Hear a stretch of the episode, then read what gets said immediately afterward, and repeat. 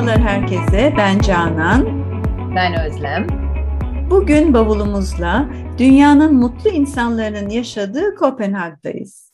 Şehir 10. yüzyılda bir Viking balıkçı köyü olarak kurulmuş. Tabii Viking tarihiyle ilgilenenler için şehrin etrafı, etrafında yapılacak, görülecek çok şey var. Kesinlikle. Öncelikle Viking yaşam stilinin reenact, canlandırıldığı Albertslund ve Frederiksund köylerini gezebilirsiniz. Tabi Danimarka'nın eski başkenti Roskilde'deki Viking Gemi Müzesi'ni zaten kaçırmazsınız. Ayrıca Kopenhag civarında tarihi gene 10. yüzyılın sonlarına rastlayan birçok yürüyerek gezeceğiniz Viking Fortress Kale. Kalelerini bulabilirsiniz. Şimdi yürümek deyince yolunuz sizi şehrin mozaiğini anlatan dünyanın en uzun ve en eski yaya yolu olan Stroget Caddesi'ne çıkaracak. Şehri hissetmek için burada stroll around gezinerek dolaşmalısınız. Her turist gibi e, ilk duraklarınızdan biri Nihan yani Yeni Liman olacak. Tarihi binalar, rengarenk evler, balıkçı tekneleri, her zaman dolu restoranlar arasında kameralara poz vereceğinize eminiz. Kesin eminiz. Hemen önemli bir bilgi geldi aklıma. Dünyaca ünlü masal ustası Hans Christian Andersen Yeni Liman üzerinde üç ayrı evde oturmuş. Çocukluğumdan halen aklımdadır Anderson'dan masallar. Ve benim en çok sevdiklerim içerisinde Uçan Sandık, Prenses ve Bezelye, Parmak Çocuk masalları var. Şimdi Andersen deyince e, düşündüm de benim bile aklıma ne kadar çok masal ismi geldi. Bunlarla büyümüştük adeta. Küçük öyle, Deniz öyle. Kızı, Kurşun Asker, Çirkin Ördek Yavrusu, Kibritçi Kız gibi. Yeri gelmişken e, Andersen'den Inspirational Quote. İlham verici alıntılar. Yapabiliriz şu anda biraz bence. Yapalım. Anderson demiş ki, Where words fail, music speaks. Sözün yetmediği noktada müzik konuşur. Bir diğeri, Life itself is the most wonderful fairy tale. Hayatın kendisi en harika peri masalıdır. Ne kadar güzelmiş böyle, evet. Şimdi bu arada Kopenhag'ın simgesi ve turistlerin tartışmasız durağı Deniz Kızı heykelinde unutmayalım. Tabii ki o da Andersen masalından esinlenmiş. 1913 yılında Edward Erickson tarafından yapılmış bu heykel. 100 yılı aşkın süredir şehrin tüm ziyaretçilerini greeting selamlamaya devam ediyor. Şehir gezimize devam edelim. Ülkenin 800 yıllık kraliyet tarihine witness, şahitlik etmiş. Christianborg Sarayı eminim gezi listenizde olacaktır. Şu anda Anayasa Mahkemesi, Ülke Parlamentosu, Dışişleri Bakanlığı'nı barındırıyor bu bina. 106 metrelik kulesini şehrin her yerinden rahatlıkla görebilirsiniz. Şimdi biliyor musun Özlem aslında ben e, bu tarihsel binaların halen işlevsel olarak değerlendirilmesini çok beğeniyorum ve destekliyorum. Gezdiğim her yerde dikkatimi çekiyorlar. Bizlerin de tarihsel akışın bir parçası olduğumuzu hissettiriyor. Katılmamak elde değil Canan. Hem koruma hem de yenileyerek yaşatmak çok güzel bir şey, çok da anlamlı. Evet, bu gezintilerin arasında herkese dinlenme molası alıp chill out, rahatlamak, rahatlamak için Rosenborg e, Castle'ın e, bahçesini tavsiye edebiliriz. Burası Danimarka'nın en eski kraliyet bahçesi. İçinde heykeller, tarihi binalar, mevsime göre sergiler ve konserleri de rastlayabilirsiniz. Bahçeye adını veren Rosenborg Castle, Danimarka kraliyet ailesinin en önemli sarayı. Burası 17. yüzyılda Rönesans stilinde inşa edilmiş ve hanedanlığa yazlık saray olarak hizmet etmiş. Hatta e, ben gittiğimde gayet etkilenmiştim. Kraliyet ailesinin meşhur mücevherleri ve bütün sanat hazineleri de burada exhibit. Sergilenmekte. Bol bol şimdi gezip gördükten sonra her birimiz bir yemek molasını hak ediyoruz.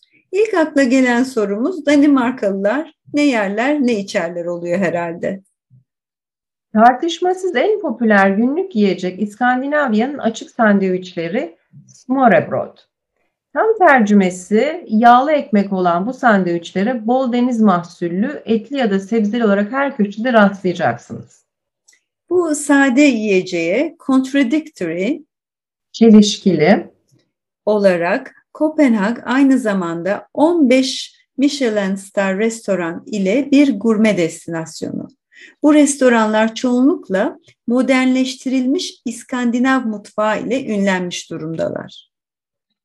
Ayrıca diğer bir enteresan tarafı meyve ve sebze suları ile zarif ve lüks yemek sunumlarını birleştiren bir akımları var Danimarkalıların.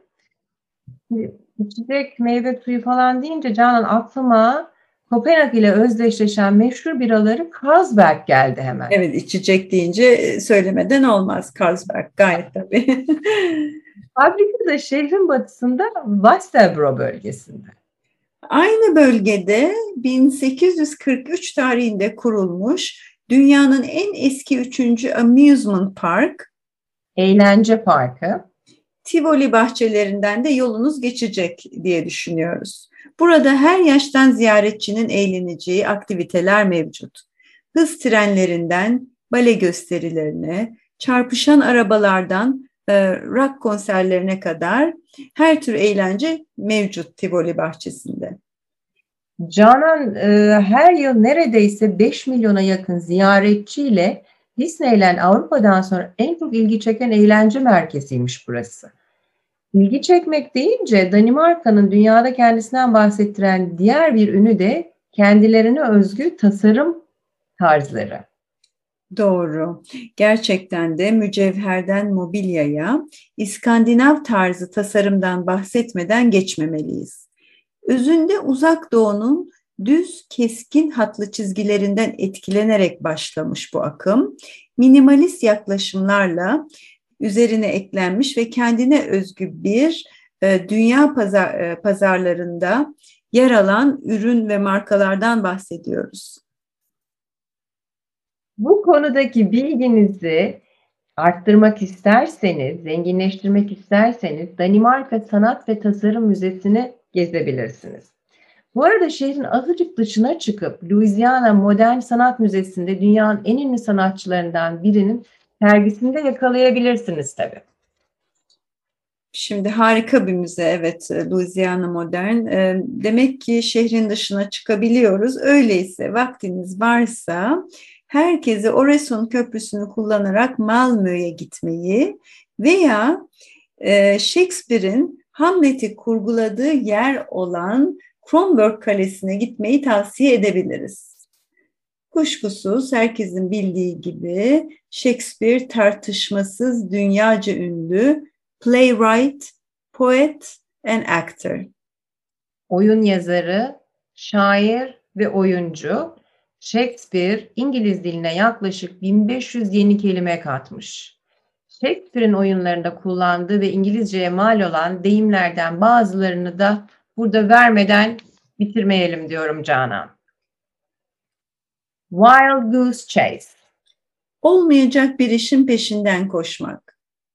Break the ice. Havayı yumuşatmak. Give the devil his due. Kötü de olsa kişinin hakkını yememek. Ne güzel oldu bu bölümde konulara uygun tarihe mal olmuş e, deyimler verebildik. Hem Andersen'den hem Shakespeare'den e, pek bir hoşuma gitti. Şimdi kelime ve deyimlerimizin üzerinden bir kez daha geçelim. Geçelim. Reenact. Canlandırmak. Fortress. Kale. Stroll around. Gezinerek dolaşmak. Inspirational quotes. İlham verici alıntılar. Where words fail, music speaks. Sözün yetmediği noktada müzik konuşur. Life itself is the most wonderful fairy tale.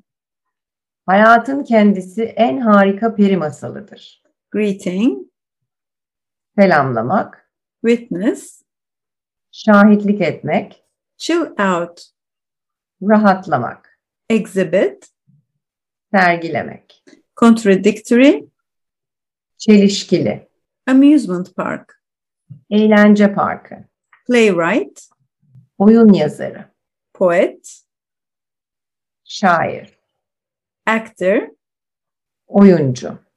wild goose chase, Olmayacak bir işin peşinden koşmak, break the ice, havayı yumuşatmak. give the devil his due. Kötü de olsa kişinin hakkını yememek. Evet, bir programımızın daha sonuna geldik.